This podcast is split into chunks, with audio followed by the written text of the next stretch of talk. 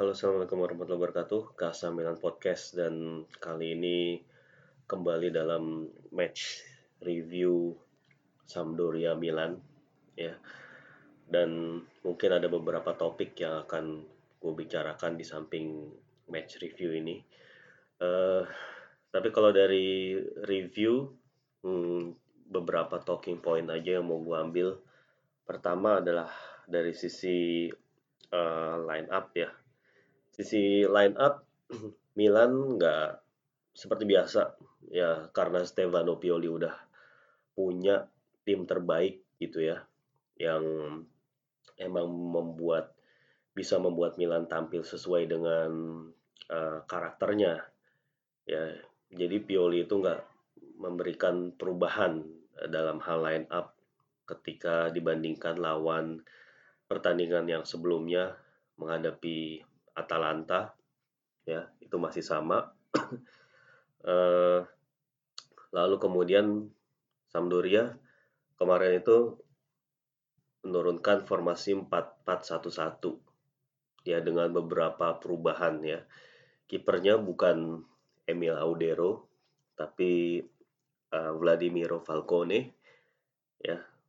Kemudian quartet backnya juga ya dikit-dikit perubahan lah gitu. Berezinski di kanan, Maya Yoshida dan Omar Koli di tengah, lalu kemudian Augelo di kiri.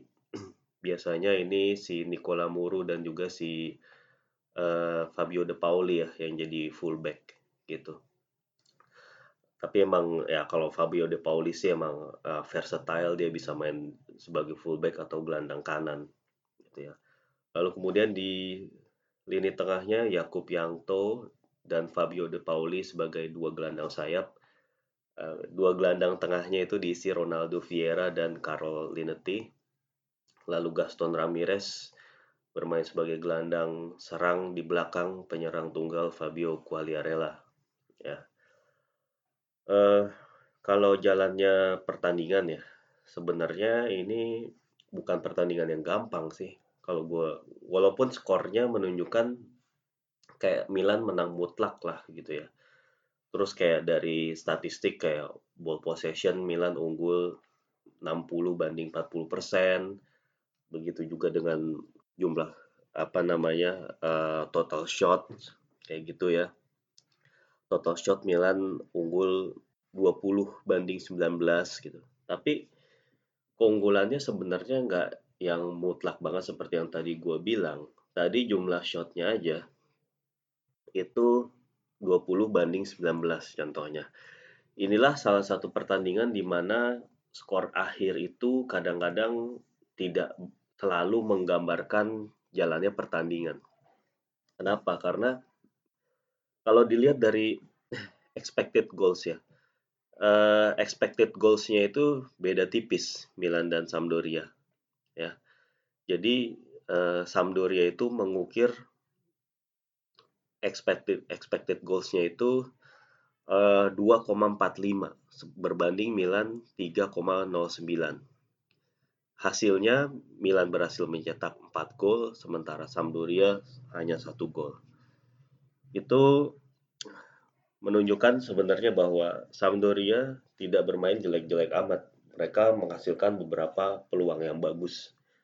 Gitu. Kan uh, mungkin juga lu udah pada aware kalau expected goals itu adalah tools ataupun uh, apa namanya statistik ya. Angka statistik yang paling bisa menggambarkan kualitas serangan kualitas peluang dari sebuah kesebelasan. Jadi uh, lu nggak bisa bilang bahwa kesebelasan itu uh, memiliki permainan yang bagus atau mendominasi lawannya hanya karena dia unggul misalnya ball possession.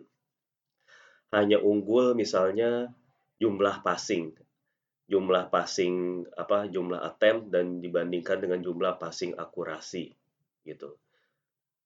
Atau mungkin bahkan kadang-kadang dalam beberapa hal jumlah shot ya kadang-kadang tim yang jumlah shotnya itu terlepas tembakan itu lebih banyak itu nggak selamanya dia bikin peluang yang bagus. Karena sebagaimana lo tahu juga gitu tendangan yang mengarah ke gawang tapi uh, datangnya itu pelan gitu ya. Sama tendangan yang uh, tipis melenceng tapi datangnya itu tajam banget dan itu keep udah mengalahkan kiper gitu udah nggak bisa diantisipasi oleh kiper tapi arahnya aja melenceng sedikit. Atau kena tiang deh gitu. Hmm, itu kan dicatat tes di statistik itu beda gitu. Kalau tendangan yang pelan tapi ngarah ke gawang itu dianggapnya shot on target. Tapi kalau tendangan yang keras dan kena tiang itu shot off target. Gitu jadinya kadang-kadang juga nggak bisa lu pukul rata aja bahwa tim yang punya tendangan apa jumlah tendangan yang lebih banyak itu dia menciptakan peluang. Gitu ya. Dalam hal ini emang eh, Sampdoria menurut gue udah berusaha semaksimal mungkin sih. Cuma emang eh, mereka itu di babak kedua ya. Di babak kedua awal itu benar-benar terpukul oleh dua gol cepat yang dibuat oleh Milan. Itu benar-benar membunuh perlawanan mereka. Tapi di babak pertama ketika mereka kebobolan kecolongan lewat golnya Zlatan ya. Itu mereka masih menunjukkan perlawanan. Ya, beberapa peluang mereka bisa hasilkan kayak misalnya Gaston Ramirez yang sebenarnya dapat peluang bagus banget, posisi bagus banget menendang dari tepi kotak penalti tapi karena menggunakan kaki lemahnya kaki kanan jadi hasilnya tendangannya lemah dan mengarah pas ke Donnarumma. Ya begitu juga peluang-peluang kayak dari Quagliarella dan beberapa pemain lain gitu. Menurut gue mereka cukup lumayan lah gitu. Tapi emang yang jadi nilai plusnya Milan di sini adalah mereka punya udah punya pola gitu, udah punya pola serangan, udah kayak otomatis kayak misalnya serangannya itu dari tengah, dari kiri ataupun dari kanan itu udah punya polanya, udah punya udah tau lah pemain mana yang akan dioper. Ini menunjukkan kesebelasan yang well trained alias dilatih dengan baik gitu ya. Kayak gol pertamanya Ibra itu kan hasil kerjasama ya antara uh, Theo Hernandez dan juga Ante Rebic gitu ya. Dan sebelumnya juga Frank Kessie itu memberikan support yang luar biasa di situ gitu. Ketika uh, Hernandez itu uh, ngelihat Rebic ya uh, Rebic yang kurang dijagain dia langsung ngasih umpan dengan cepat dan Ante Rebic dengan satu gerak tipu yang juga nggak kalah cepatnya dia mengelabui si Bartosz Berezinski dan mengirimkan umpan silang. Dan di situ emang uh, marking dari back back Sampdoria itu parah banget. Ibra itu leluasa banget nyundul bola. Gitu. Dan emang padahal di situ pada saat golnya gol pertama Ibra paling pemain yang ada di kotak penalti itu cuman Ibra, Calhanoglu sama si Selemakers. Ada cuman ada tiga orang sementara Sampdoria juga di situ ada tiga atau empat pemain gitu di kotak penalti karena gelandang-gelandangnya ikut turun gitu kan. Tapi somehow Ibra bisa dengan bebasnya nyundul bola di situ. Ya. Begitu juga gol gol kedua ya. Kalau gol kedua gue sih ngelihatnya ini adalah pure kecerdikan dari seorang Ibra yang mana dia tuh seperti halnya ngelakuin apa kalau dilihat dari heat map ya heat mapnya Ibra itu dia lebih banyak di wilayah half space tengah. Artinya dia tuh sering banget dropping deep ya. Dropping deep terlibat dalam permainan, terlibat dalam build up, terlibat dalam fase bertahan, terlibat dalam uh, apa namanya? mengirimkan umpan-umpan terobosan. Nah, Ibra ini juga pas gol yang kedua uh, dia itu perannya dia sih pas gol kedua itu sebagai penyerang tengah aja. Dia dia nggak sedang dropping deep. Kalau lu lihat itu adalah kombinasi antara permainan uh, Selemaker, Benacer dan juga si Calabria di kanan. Lagi-lagi mereka membentuk triangle, triangle pass ya. Terus diakhiri dengan umpan lambung Calabria yang sangat akurat dan Ibra di situ berdiri uh, juga apa ya, lagi-lagi marking yang buruk dari back-back Sampdoria. Ibra dengan ke, uh, kelebihan posturnya juga sih memanfaatkan kelebihan postur, dia nyundul bola ke tiang jauh ya di mana di situ Hakan Calhanoglu udah siap untuk nyelesain bola, nyelesain umpan itu.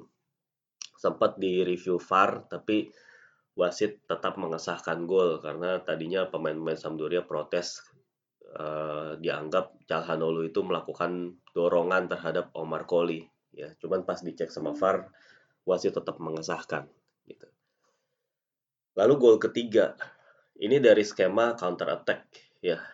Gol ketiga dan keempat Milan sih sebenarnya skema counter attack pas lagi konsentrasi para pemain-pemain belakang Sampdoria itu lagi-lagi nggak bagus gitu ya. Itu di counter attack uh, bisa Calhanoglu dengan cepat banget kayak setelah bola direbut dan Ibra itu lagi-lagi nggak terjaga kosong banget dia ya.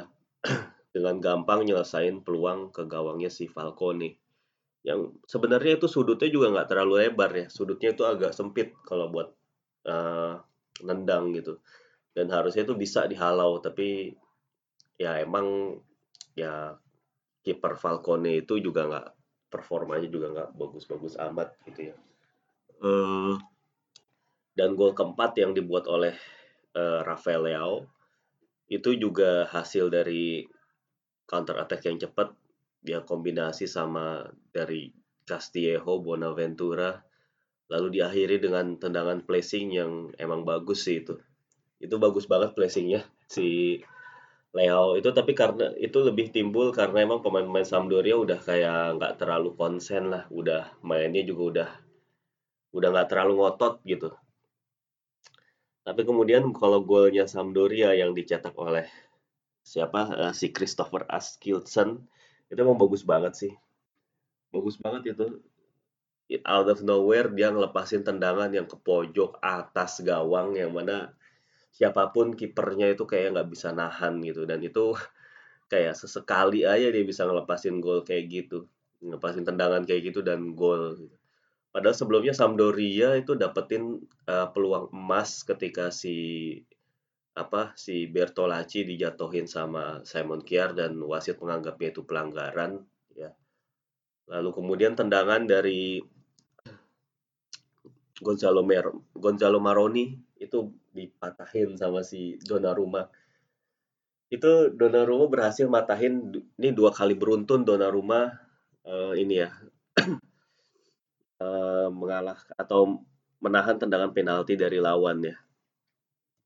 Yang pertama itu kemarin dari si Ruslan Malinowski, pemain Atalanta dan Maroni. Dan kayaknya si Maroni tuh nggak belajar banyak gitu dari si Donnarumma yang nahan tendangannya si Malinowski. Dia nendang ke arah yang persis spot yang persis sama dari yang si Malinowski lakukan dengan dia menendang dengan power tapi arahnya ke situ gitu. Dan itu emang udah bener-bener jangkauannya Donnarumma banget lah.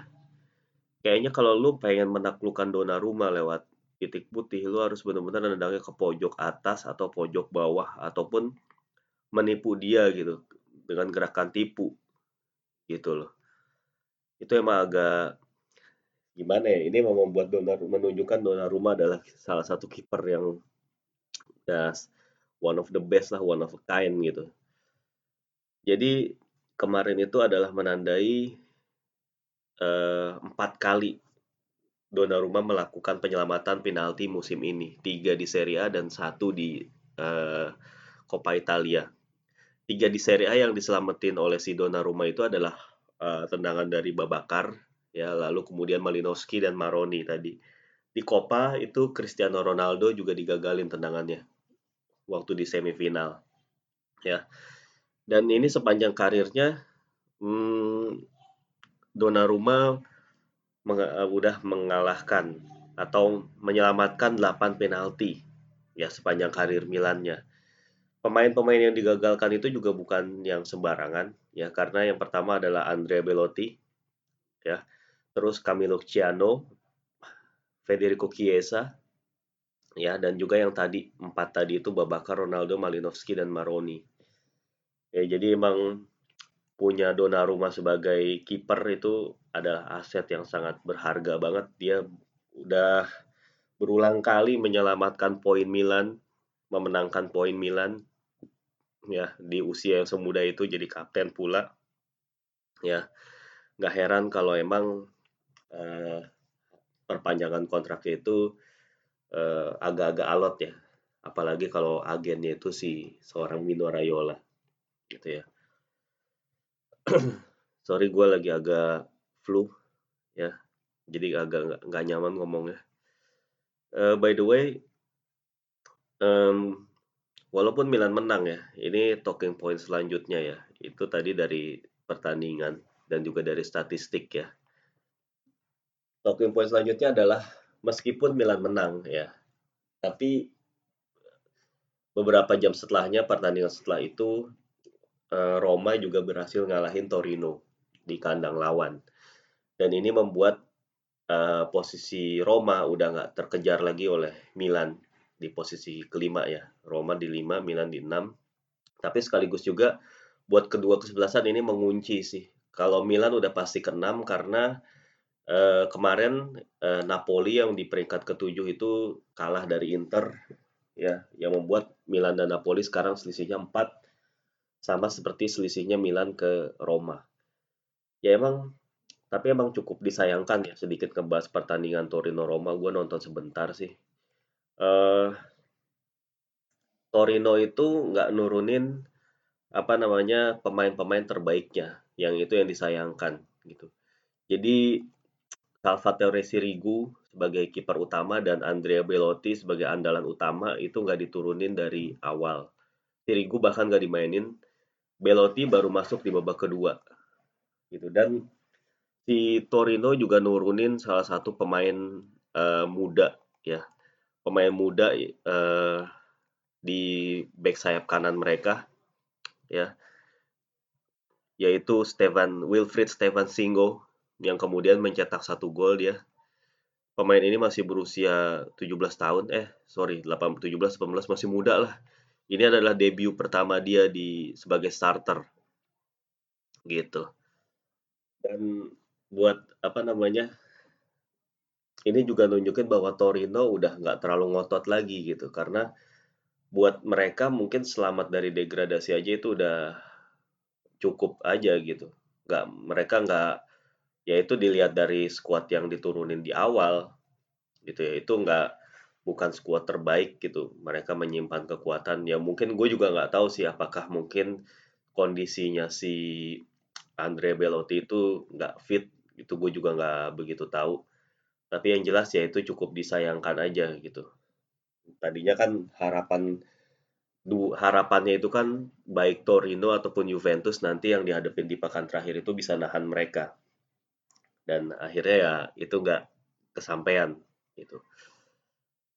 Akhirnya Milan harus puas di posisi ke-6 apa pun hasilnya nanti lawan Cagliari di pertandingan pamungkas ya dan harus rela lolos ke babak uh, ke Europa League lewat jalur kualifikasi dulu. Dan ini juga berarti Milan itu akan udah mulai tanding atau memulai kompetisi pada sejak 20 Agustus karena itu emang udah mulai kualifikasi di tanggal-tanggal segitu.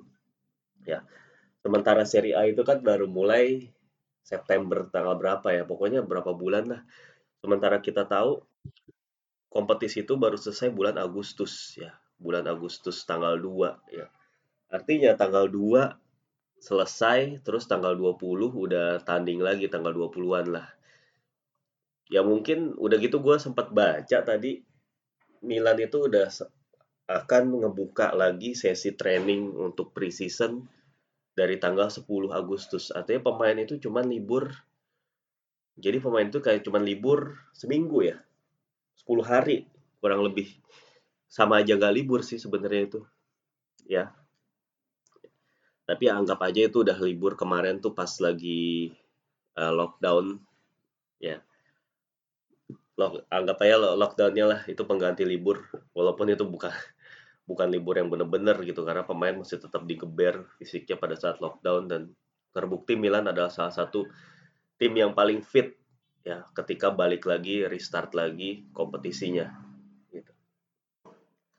Ini tentunya merupakan sebuah kerugian sih, hal yang patut disayangkan. Kenapa uh, apa ya? Padahal kemarin Roma tuh mainnya ya dibilang istimewa banget ya enggak gitu. Tapi emang Roma juga udah mengalami peningkatan sejak mereka habis dikalahin sama Milan gitu ya. Mereka kayak bangkit lagi gitu.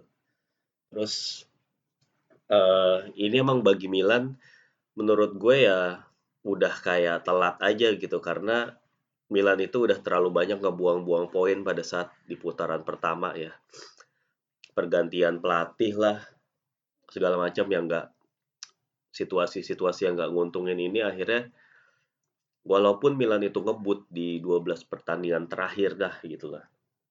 Tapi itu kayak nggak cukup untuk menyelamatkan dan nantinya sih Milan bisa aja ketemu dengan lawan-lawan yang tangguh siapa tahu ya kayak kayak kemarin si Torino itu. Gue gue nggak nggak tahu gue lupa gue belum baca-baca lagi Milan itu akan mulai dari kualifikasi second round atau third round ya. Artinya kalau Milan mulai dari second round berarti kan Milan akan tanding dua kali sebelum masuk ke babak grup. Kayaknya sih emang kayak gitu ya itu kayak Torino kemarin itu Torino lolos ke kualifikasi kedua, mereka menang, terus kemudian di kualifikasi ketiga mereka ketemu Wolverhampton Wanderers ya, yang akhirnya mereka kalah. Nah ini inilah yang gua khawatirin terjadi sama Milan kalau mereka ketemu wakil-wakil dari Inggris, entah itu kayak Tottenham Hotspur ataupun siapa klub lain lah ya, kayaknya Spurs ya yang lolos ya, yang lolos lewat kualifikasi ya sama juara Piala Liga. Juara Piala Liga Inggris tuh siapa sih? Gue gue gagal lupa. Pokoknya lawan-lawan seperti itu akan mungkin dihadapin Milan. Dan juga kalau dari La Liga uh, Milan bisa aja ketemu uh, salah satu dari Athletic Bilbao ataupun Granada. Ini kepastiannya baru bisa didapat di final Copa del Rey yang mempertemukan Atletik dan Real Sociedad. Nah, kalau Atletik yang lolos, mereka yang akan uh, memulai. Kalau nggak salah sih mereka akan memulai dari kualifikasi gitu. Jadi uh, pokoknya Milan akan menghadapi lawan-lawan yang bisa jadi berat tergantung undian gitu. Dan inilah yang membuat Milan tuh harus mempersiapkan tim sedini mungkin ya. Tapi hal positifnya adalah uh, Milan atau manajemen nggak akan terlalu lama lagi menghabiskan waktu negosiasi dalam transfer pemain. Ya begitu kompetisi selesai langsung Maldini, Masara itu langsung gerak ya. Yang nggak tahu sih Ricky Masara katanya Ricky Masara tuh posisinya masih uncertain kalau Maldini yang sim selanjut gitu ya. Tapi pokoknya mereka tuh pasti langsung akan gerak cepat untuk mengamankan pemain-pemain incaran dan siapa pun itu pasti akan cepat datang karena harus akan didaftarin dalam uh, babak kualifikasi Europa League. Dan inilah yang mungkin sisi baiknya jadinya ya udah nggak ini lagi gitu nggak nggak yang nunda-nunda lagi lama gitu. Ya udah cepet aja lah. Milan butuh cepet nih pemain. Tapi ya jeleknya mungkin karena mungkin Milan butuh cepet jadinya klub-klub yang ngejual pemain itu bisa jadi pasang harga mahal atau jual mahal lah intinya. Ya lu mau apa enggak nih take it or leave it kayak gitu. Ya lu kan yang butuh nih gitu. Jadi klub-klub itu kayak ya klub-klub pemilik pemain incaran itu jadi kayak punya bargaining power gitu. Karena Milannya yang butuh cepet. Jadinya mau nggak mau ya bisa jadi harga yang akan disepakati itu bukan harga yang terlalu favorable buat Milan. Gitu sih. Ya emang ya namanya juga sepak bola ya. Itu dengan segala apa ini kan industri juga, ini kan juga udah jadi bisnis, ini kan juga udah emang apa ya, emang udah masif banget gitu industrinya. Jadinya apa pun tuh harus diperhitungkan, apa pun itu konsekuensinya besar gitu. Jadinya kita itu nggak bisa terlalu menganggap enteng segala sesuatu kayak apa ya mengelola sebuah klub itu nggak sesimpel itu gitu intinya banyak banget aspek yang harus diperhatiin, aspek yang harus dimenangkan, ya kayak gitulah. Belum lagi kalau masalah sponsor dan lain-lain. Wah, lu bisa bayangin betapa ribetnya jadi mengurus klub sepak bola pada era-era sekarang ini gitu. Uh, ya udah sih gue sih cuman mau nge-review itu aja kalau dari match tadi gue udah sampaikan opini-opini gue dan begitu juga dari sisi peringkat dan juga dari sisi persiapan tim atau kegiatan transfer ya itu udah gue sampaikan sekilas tadi gitu ya. Uh, mudah-mudahan aja balik lagi Milan akan cepat mempersiapkan diri. Kalau udah punya budget ditetapkan oleh manajemen ya udah langsung aja dipakai dengan bijak gitu ya. Uh, terutama pemain-pemain dari sisi kanan. Gue sih ngelihatnya addressnya dari sisi kanan sekarang ya uh, back kanan benar-benar butuh. Calabria sih kemarin nunjukin performa yang bagus tapi I don't think Calabria itu akan dipertahanin. Ya mungkin dia yang akan dijual karena untuk ngedapetin plus Valenza. Ya kalau misalnya Conti yang dijual agak-agak sulit karena Conti itu waktu dibeli harganya 25 juta. Dan untuk ngedapetin plus Valenza dari Conti itu kan Conti itu kan uh, 25 juta dia tuh datang dari musim 2017-18 ya berarti ini udah musim ketiganya uh, berarti kan paling nggak misalnya kontak eh kontak kontraknya Conti itu empat musim misalnya atau lima musim lah lima musim ya. Berarti kan harganya Conti itu nilai bukunya Conti itu sekitar 10 juta ya. Ya Milan tuh harus ngejual lebih dari 10 juta buat supaya ngedapetin plus Valenza-nya Conti gitu. Dan rasanya lebih sulit ngedatengin plus Valenza dari Conti ketimbang dari Calabria karena Calabria dijual berapapun itu plus Valenza ya. Orang dia pemain akademi ya. Ya. Jadinya ya akhirnya ya mungkin manajemen akan memilih ngejual Calabria dengan tujuan untuk ngedatengin back kanan yang lebih mumpuni, yang lebih bisa diandelin ya, yang punya pengalaman di Eropa mungkin ya. Itu sih yang jadi kriteria dan ya in that in this case nama-nama seperti Emerson Royal ataupun Denzel Dumfries itu yang jadi terdepan gitu. Walaupun kalau gue juga ngelihat kalau di di dalam negeri sendiri ada beberapa nama juga sih yang cukup menarik ya. Kayak misalnya Paolo Giglione dari Genoa dan juga si Davide Faraoni dari uh, Verona. Ya mungkin kalau dari sisi umur uh, Giglione yang lebih uh, lebih menarik karena dia baru berusia 23-an lah, 23 tahun. Kalau si Faraoni itu udah 28 tahun. Ya, tapi kalau dari sisi skill ya gue sih lebih suka Faraoni sebenarnya ya dia udah siap tampil itu ibaratnya mungkin dan mungkin harganya nggak akan terlalu mahal ya paling ya 8 juta juga bisa dapet tapi ya nggak tahu pertimbangan manajemen gimana ya terus ya itu di uh, back kanan. Dan di sayap kanan gue juga ngerasa Milan butuh pemain yang eksplosif ya. Lebih eksplosif daripada si siapa? Samu Castillejo dan lebih berteknik daripada si Selemaker. Kalau si Makers itu bisa diandelin dalam hal work rate. Dia tuh orangnya pemain yang sangat rajin menjelajahi banyak area dan uh, determinasinya tinggi, banyak banget lari gitu ya. Tapi uh, yang dibutuhin itu adalah seorang yang bisa memberikan ancaman lebih gitu ya. Jadi seperti halnya Rebic yang di kiri dan juga Theo Hernandez, sisi kanan itu juga perlu di dibalancein gitu diseimbangin ya supaya ancamannya itu juga bisa datang dari situ. Ya ini kalau Milan bisa ngedapetin pemain sayap kanan yang bagus, gua rasa akan jadi tim yang lebih menakutkan lagi nih. Mungkin eh, pemain-pemain gelandang serang sayap kanan yang modern ya yang bisa main inverted gitu jadi inverted winger. Ya mungkin kalau di Italia kayak Berardi gitu ya. Tapi kalau di luar dari luar uh, apa luar Italia itu kayak uh, Florian Thauvin ataupun pemain-pemain kayak siapa lagi ya ya mungkin kalau misalnya lu pengen ambil uh, pemain-pemain yang nggak kepake di Barcelona atau Madrid bisa dipertimbangkan pemain kayak Malcolm di Barcelona gitu atau pemain kayak siapa kalau di Madrid itu Lucas Vazquez ya walaupun bisa juga di situ Mirancuk dipasang di situ ya Mirancuk dipasang di situ, itu juga gua rasa bukan opsi yang jelek ya. Walaupun Mirancuk itu gue juga ngelihatnya sebagai pelapis dari Calhanoglu gitu. Atau mungkin satu lagi calon nama ya Matteo Pessina sih yang opsi murah ya. Dia cukup bagus tampil di Verona musim ini tapi ya kita tahu lah kalau pemain-pemain akademi, bekas pemain akademi yang didatangin lagi itu biasanya kan nggak impresif-impresif amat ya. Ya gitu ya. Jadi ya menurut gue nggak usah terlalu terjebak nostalgia, nggak usah terjebak romantisme, kecuali emang tujuannya untuk uh, melengkapi kuota pemain akademi home ground ya. It's okay lah kalau emang kayak gitu tujuannya gitu.